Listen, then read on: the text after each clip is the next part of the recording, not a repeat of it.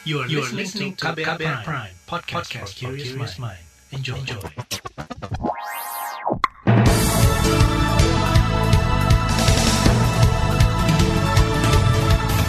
Selamat pagi saudara, senang sekali kami bisa menjumpai Anda kembali melalui program Buletin Pagi edisi Jumat 17 September 2021. Saya Malika. Sejumlah informasi pilihan telah kami siapkan, di antaranya pegawai KPK dipecat, nasib pemberantasan korupsi di Indonesia dipertanyakan. Menpan RB akui kasus jual beli jabatan kian marak. Kejaksaan Agung tetapkan Alex Nurdin sebagai tersangka. Inilah Buletin Pagi selengkapnya. Terbaru di Buletin Pagi. Saudara dorongan dan desakan dari sejumlah pihak terus bermunculan baik dari organisasi masyarakat sipil hingga akademisi yang meminta Presiden Joko Widodo untuk bersikap terkait polemik pemecatan 56 pegawai KPK yang tak lolos tes wawasan kebangsaan atau TWK. LSM Anti Korupsi Indonesia Corruption Watch ICW mendorong Presiden Jokowi mempertimbangkan masa depan pemberantasan korupsi di Indonesia jika 56 pegawai KPK tak lolos TWK dipecat. Peneliti ICW Kurnia Ramadhani meminta Jokowi bertemu dengan Ombudsman RI dan Komnas HAM untuk mendengarkan penjelasan secara komprehensif terkait kejanggalan-kejanggalan selama proses TWK yang menghasilkan keputusan pemberhentian 56 pegawai KPK presiden itu mesti memahami apa permasalahan di dalam tes wawasan kebangsaan. Jangan sedikit-sedikit itu bukan urusan presiden. Presiden itu adalah tidak hanya kepala pemerintahan, tapi kepala negara sekaligus panglima penegakan hukum. Jadi kalau ada satu institusi dilemahkan, apalagi dikerjain oleh internal KPK itu sendiri, maka presiden harus turun tangan. Presiden harus melihat secara jernih permasalahan yang ada ada. Caranya adalah bertemu dengan Ombudsman dan Komnas HAM Kurnia mengatakan jika Presiden Jokowi tidak mengambil tanggung jawab atas persoalan TWK KPK ini, maka KPK tidak akan lagi dipercaya masyarakat sebagai lembaga anti korupsi di Indonesia. Selain itu, Kurnia juga menyebut kekhawatiran penindakan KPK akan merosot tajam. Apalagi dari 56 pegawai yang dipecat, kebanyakan adalah nama-nama pegawai yang berintegritas dan memiliki dedikasi tinggi dalam pemberantasan korupsi di tanah air, seperti Novel Baswedan, Harun Al-Rashid, dan Yudi Purnomo. Menanggapi hal tersebut, juru bicara Presiden Fajrul Rahman mengatakan KPK merupakan lembaga independen sehingga kata dia soal pemecatan dan TWK semestinya ditanyakan langsung kepada lembaga anti rasuah tersebut dan bukan kepada Presiden Jokowi. Sementara itu Ketua Dewan Pertimbangan Presiden Wiranto saat dikonfirmasi mengenai polemik tersebut enggan menanggapi. Wiranto berdalih sesuai aturan Watimpres dilarang mengadakan wawancara tentang kebijakan pemerintah. Hal serupa disampaikan Kementerian Sekretariat Negara melalui juru bicaranya Valdo Maldini. Valdo juga enggan menanggapi terkait masukan dan saran yang selama ini disampaikan kepada, kepada Presiden Jokowi terkait TWK di KPK. 56 pegawai KPK melayangkan protes terhadap putusan pimpinan KPK. Protes itu terkait dengan sikap pimpinan KPK yang akan memecat mereka pada akhir bulan ini. Pemecatan dilakukan usai puluhan orang tersebut dianggap tidak memenuhi syarat dalam proses alih status pegawai menjadi aparatur sipil negara melalui mekanisme TWK. Salah satunya adalah Yudi Purnomo. Penyidik KPK nonaktif itu menganggap putusan pimpinan telah melemahkan upaya pemberantasan korupsi. Dia pun menegaskan belum menerima surat keputusan terkait pemberhentian dirinya. Setelah nanti mendapatkan, kami akan melakukan perlawanan hukum. Mengapa? Sebab kondisi seperti ini tidak boleh dibiarkan. Mengapa para pejuang anti korupsi, penyidik, penyelidik, dan pegawai lainnya yang selama belasan tahun ini telah memberantas korupsi, namun pada kenyataannya malah diberhentikan dengan alasan tes wawasan kebangsaan. Yudi Purnomo Harahap menambahkan pimpinan KPK juga dianggap mem, dianggap membangkang dari pernyataan Presiden Joko Widodo yang mengarahkan agar pegawai KPK tidak ada yang dipecat dalam proses alih status pegawai. Maka dari itu kelompok 56 orang tersebut mendorong Presiden Jokowi selaku kepala negara serta pembina kepegawaian tertinggi itu menghentikan pemecatan pegawai KPK. Yudi berharap Presiden bijaksana dalam menyikapi polemik ini. Saudara seperti diketahui KPK akan memberhentikan dengan hormat 56 pegawai yang dinyatakan tidak lulus TWK sebagai syarat alih status menjadi ASN. Wakil Ketua KPK Nurul Gufron mengatakan proses peralihan status pegawai menjadi ASN dilakukan paling lambat dua tahun setelah Undang-Undang KPK disahkan. Artinya KPK punya waktu maksimal hingga 19 Oktober 2021 untuk alih status tersebut. Menurutnya tak masalah pemecatan dilakukan lebih cepat selama tidak melebihi batasan waktu itu. KPK dimandatkan pada berdasarkan pasal 69B dan juga pada pasal 69C Undang-Undang 19 2019 itu paling lama dua tahun. Sebelum namanya paling lama, Anda boleh menyelesaikan sekolah maksimal 4 tahun katanya orang tuanya. Nah, kalau bisa satu tahun kan alhamdulillah. Jadi kenapa bahkan malah, malah pertanyaannya kenapa kok baru sekarang Pak gitu. Jadi karena kami ingin uh, memberikan keputusan itu berdasarkan uh, hukum yang yang kuat. Dalam kesempatan yang sama, Wakil Ketua KPK Alexander Marwata mengatakan dari 56 orang pegawai yang diberhentikan, 50 di antaranya tidak memenuhi syarat, 5 orang diberhentikan lantaran tidak mengikuti pendidikan dan pelatihan bela negara, sementara satu orang lain dinyatakan memasuki masa purna tugas. Pemecatan 50 pegawai KPK membuat banyak pihak pesimis akan masa depan pemberantasan korupsi di Indonesia. Pekan lalu, ICW memberikan nilai merah kepada aparat penegak hukum yaitu KPK, Kejaksaan Agung, dan Polri terkait penindakan kasus korupsi.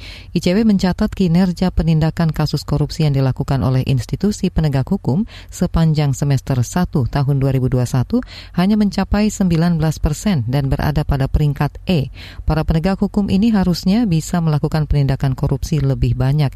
ICW menyebut harusnya ada 1.109 kasus korupsi yang bisa ditangani oleh tiga lembaga tersebut jika berdasarkan DIPA tahun anggaran 2021. Namun pada semester ini aparat penegak hukum hanya mampu menangani 209 kasus korupsi, di mana 108 atau 89,6 persen merupakan kasus baru, 8,5 persen atau 17 kasus merupakan hasil pengembangan, dan 1,9 persen atau 4 kasus merupakan hasil operasi tangkap tangan atau OTT KPK. Baris Krim Polri dan PPATK ungkap TPPU obat ilegal senilai lebih 500 miliar rupiah. Informasi selengkapnya hadir sesaat lagi. Tetaplah di Buletin Pagi KBR. You're listening to KBR Pride, podcast for curious mind. Enjoy!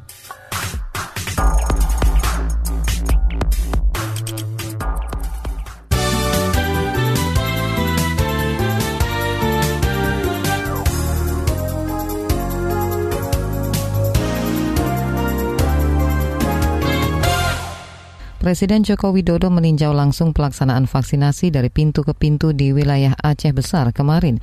Jokowi mengatakan pelaksanaan vaksinasi seperti ini akan terus digencarkan agar target vaksinasi di Indonesia segera tercapai.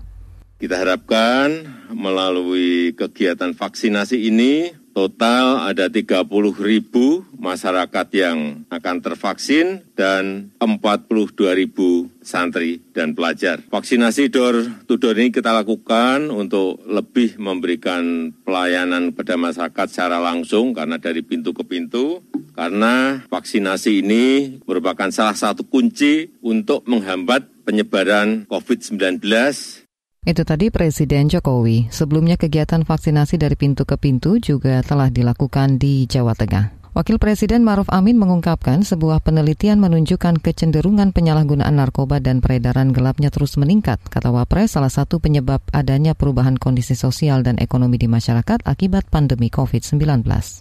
Salah satu faktor penyebabnya adalah stres yang dialami seseorang karena adanya perubahan situasi sosial, dan ekonomi sebagai dampak pandemi COVID-19.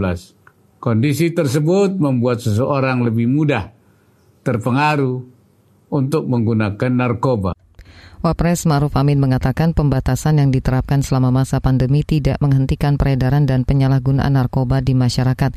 Penjagaan ketat di setiap pintu keluar masuk wilayah pun, kata dia, tidak membuat bandar dan sindikatnya berhenti mengedarkan barang haram tersebut. Dia juga menambahkan perubahan pola perilaku masyarakat yang semakin tergantung pada internet juga mengubah cara pemasaran narkoba. Ba para bandar semakin gencar menawarkan barang tersebut secara daring melalui situs-situs gelap atau dark web. Pemerintah pusat mengingatkan seluruh kepala daerah dan ASN menghindari praktek suap jual beli jabatan.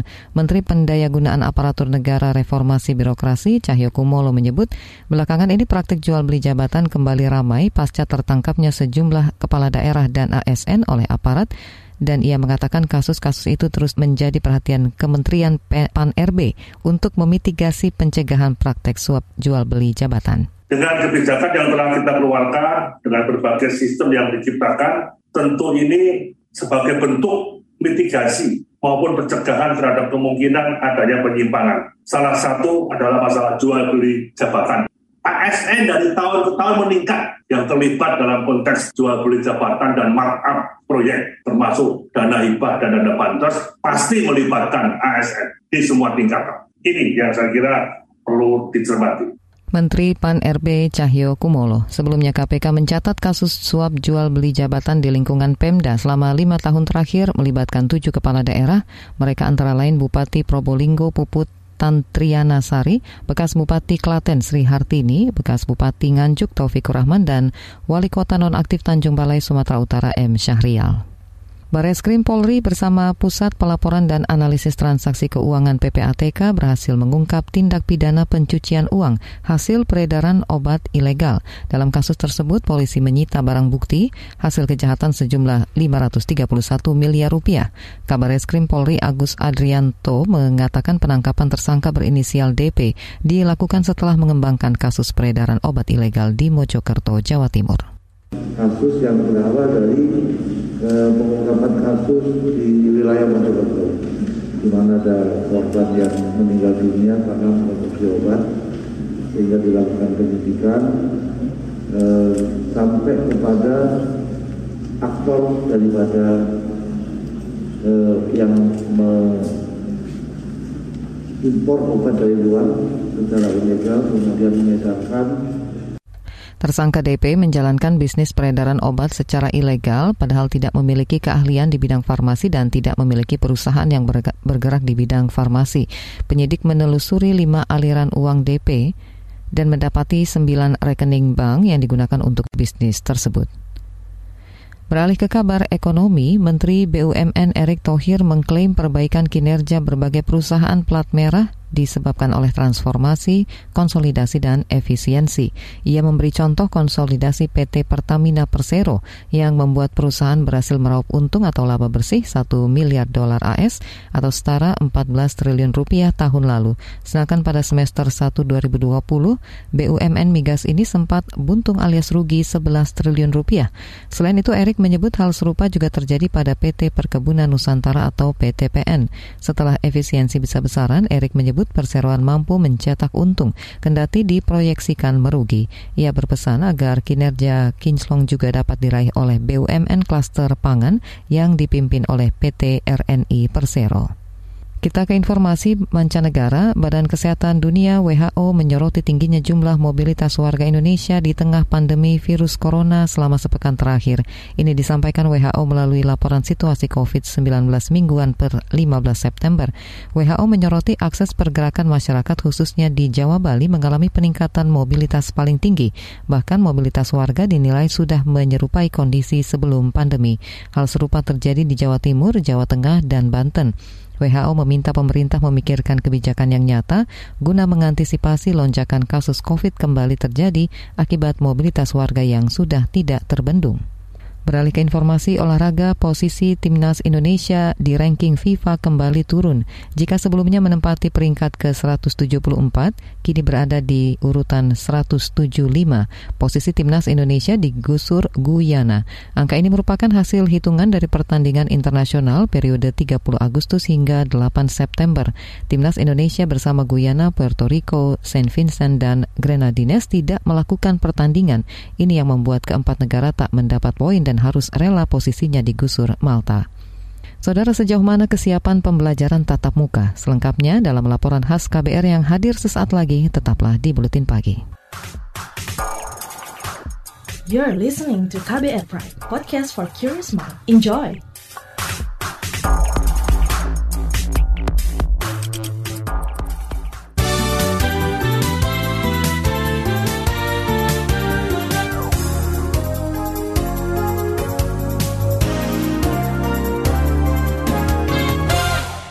Anda masih bersama kami di Buletin Pagi KBR.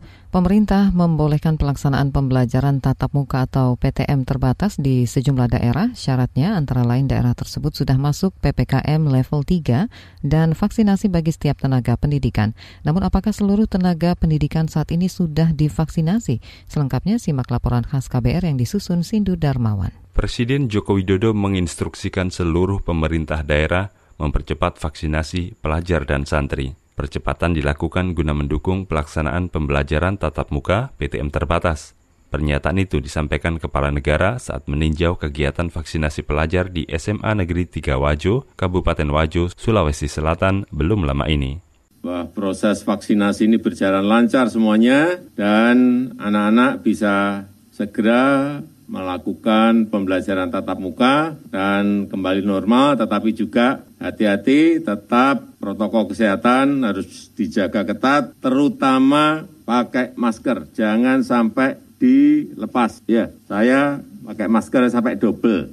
Menurut Menteri Pendidikan Kebudayaan Riset dan Teknologi Mendikbud Ristek Nadim Anwar Makarim, setiap sekolah di daerah dengan status pemberlakuan pembatasan kegiatan masyarakat PPKM level 1 hingga 3 boleh belajar tatap muka terbatas. Kata Nadim, capaian vaksinasi tidak menjadi kriteria sebuah sekolah menggelar PTM. Menurutnya, sekolah yang seluruh gurunya telah divaksin lengkap dua dosis wajib memberikan pilihan kepada siswanya untuk PTM. Namun kegiatan itu tetap harus atas persetujuan orang tua siswa tanpa pemaksaan. Semua level 1 sampai 3 boleh tatap muka. Sekarang ya, tidak perlu menunggu vaksinasi. Walaupun hampir semua tenaga pendidik, hampir 50-60 persen sudah sudah divaksin. Tidak perlu menunggu. Menteri Nadiem menjelaskan dalam surat keputusan bersama SKB 4 Menteri tentang panduan penyelenggaraan pembelajaran di masa pandemi COVID-19, setiap daerah diberi keleluasaan menyelenggarakan PTM. Pelaksanaannya dilakukan dengan protokol kesehatan, semisal wajib menggunakan masker. Meski PTM diperbolehkan, namun Gubernur Daerah Istimewa Yogyakarta, Sri Sultan Hamengkubuwono ke-10, belum akan melaksanakannya. Yang penting kita menyiapkan diri aja. Ya nanti momentumnya kita, kita akan tatap muka. Karena memang dimungkinkan itu. Kalau kalau Jogja tinggal sedikit kok yang penyelesaian vaksinasinya. Ya kita kita yang disiapkan yang yang memang semua harus vaksinasi. Sultan khawatir jika PTM diselenggarakan sebelum vaksinasi bagi pelajar rampung. Sebab kasus COVID-19 di DIY masih fluktuatif. Berbeda dengan DIY, Banyuwangi telah menerapkan PTM terbatas, namun belum seluruh sekolah melaksanakan. Menurut Kepala Cabang Dinas Pendidikan Provinsi Jawa Timur Wilayah Banyuwangi, Istu Handono, hingga pertengahan bulan ini baru 64 sekolah SMA SMK menggelar PTM. Sedangkan 120-an SMA SMK belum menggelar PTM meski sudah masuk PPKM level 1. Alasannya antara lain belum seluruh pelajar divaksinasi dan tidak ada izin dari orang tua siswa, sehingga mereka tetap menggelar belajar secara daring berapa item loh, sekitar 13 item gitu ya. Nah terus karena mereka anak-anak belum vaksin, belum lengkap vaksinnya, mereka masih menjadwal. Mungkin kendalanya diizin orang tua, tafsiran saya. Orang tua nggak mengizinkan. Ternyata tidak semua orang tua mengizinkan. Mas. Istu Handono menambahkan, bakal kembali mendorong sekolah-sekolah yang belum menggelar PTM terbatas untuk bisa meyakinkan orang tua siswa agar mengizinkan anaknya mengikuti PTM terbatas. Caranya dengan menunjukkan fasilitas sekolah aman untuk siswa. Sementara itu di kota Lok Sumawe Aceh, sekira 500 guru belum divaksin. Akibatnya mereka dilarang mengajar tatap muka.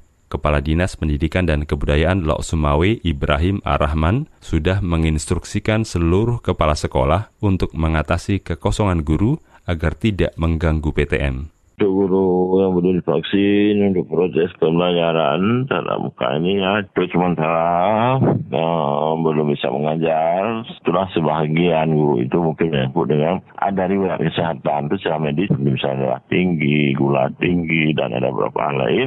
Saat ini berdasar data Kemenkes per 13 September 2021 sebanyak 62 persen atau 3,42 juta pendidik dan tenaga pendidik yang sudah menerima vaksin. Dari jumlah itu, 39 persen sudah menerima dua dosis vaksin. Karena itu, Menteri Koordinator Bidang Pembangunan Manusia dan Kebudayaan Menko PMK, Muhajir Effendi, memerintahkan Kemendikbudristek, Kemenak, Kemenkes, Pemda Kabupaten Kota, provinsi, dan dinas-dinas terkait di daerah berkolaborasi untuk mempercepat pelaksanaan vaksinasi bagi tenaga pendidik. Menko PMK menargetkan pelaksanaan vaksinasi untuk tenaga pendidik harus sudah selesai pada akhir September. Harapannya, apabila tenaga pendidik di satuan pendidikan baik sekolah, madrasah, dan pesantren sudah semuanya divaksin, maka pelaksanaan PTM wajib dilakukan. Demikian laporan khas KBR, saya Sindu Darmawan. You're listening to KBR Pride, podcast for curious mind. Enjoy!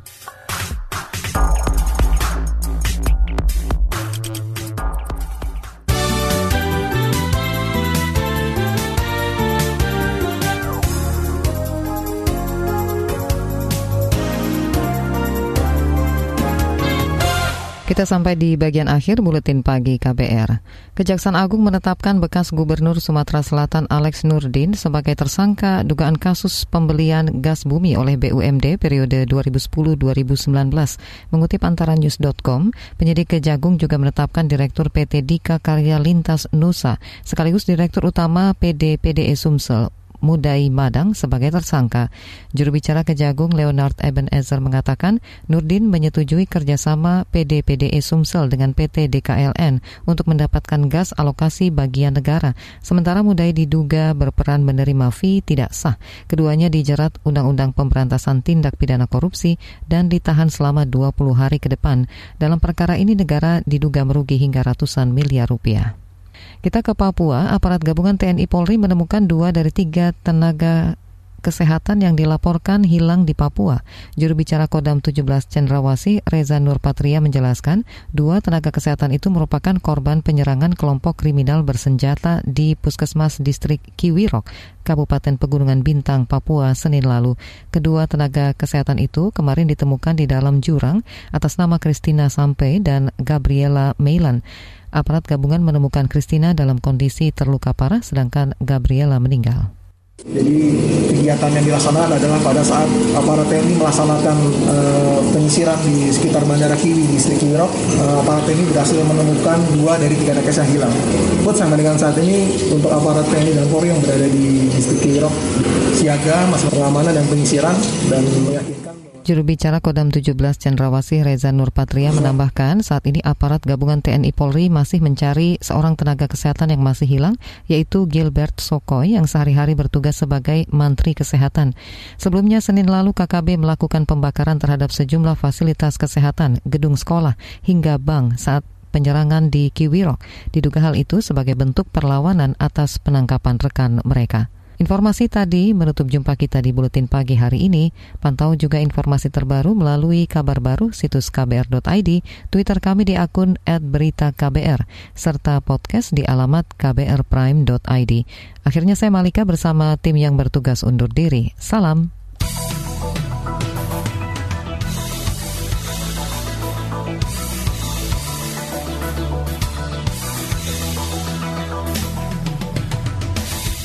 KBR Prime, cara asik mendengar berita. KBR Prime, podcast for curious mind.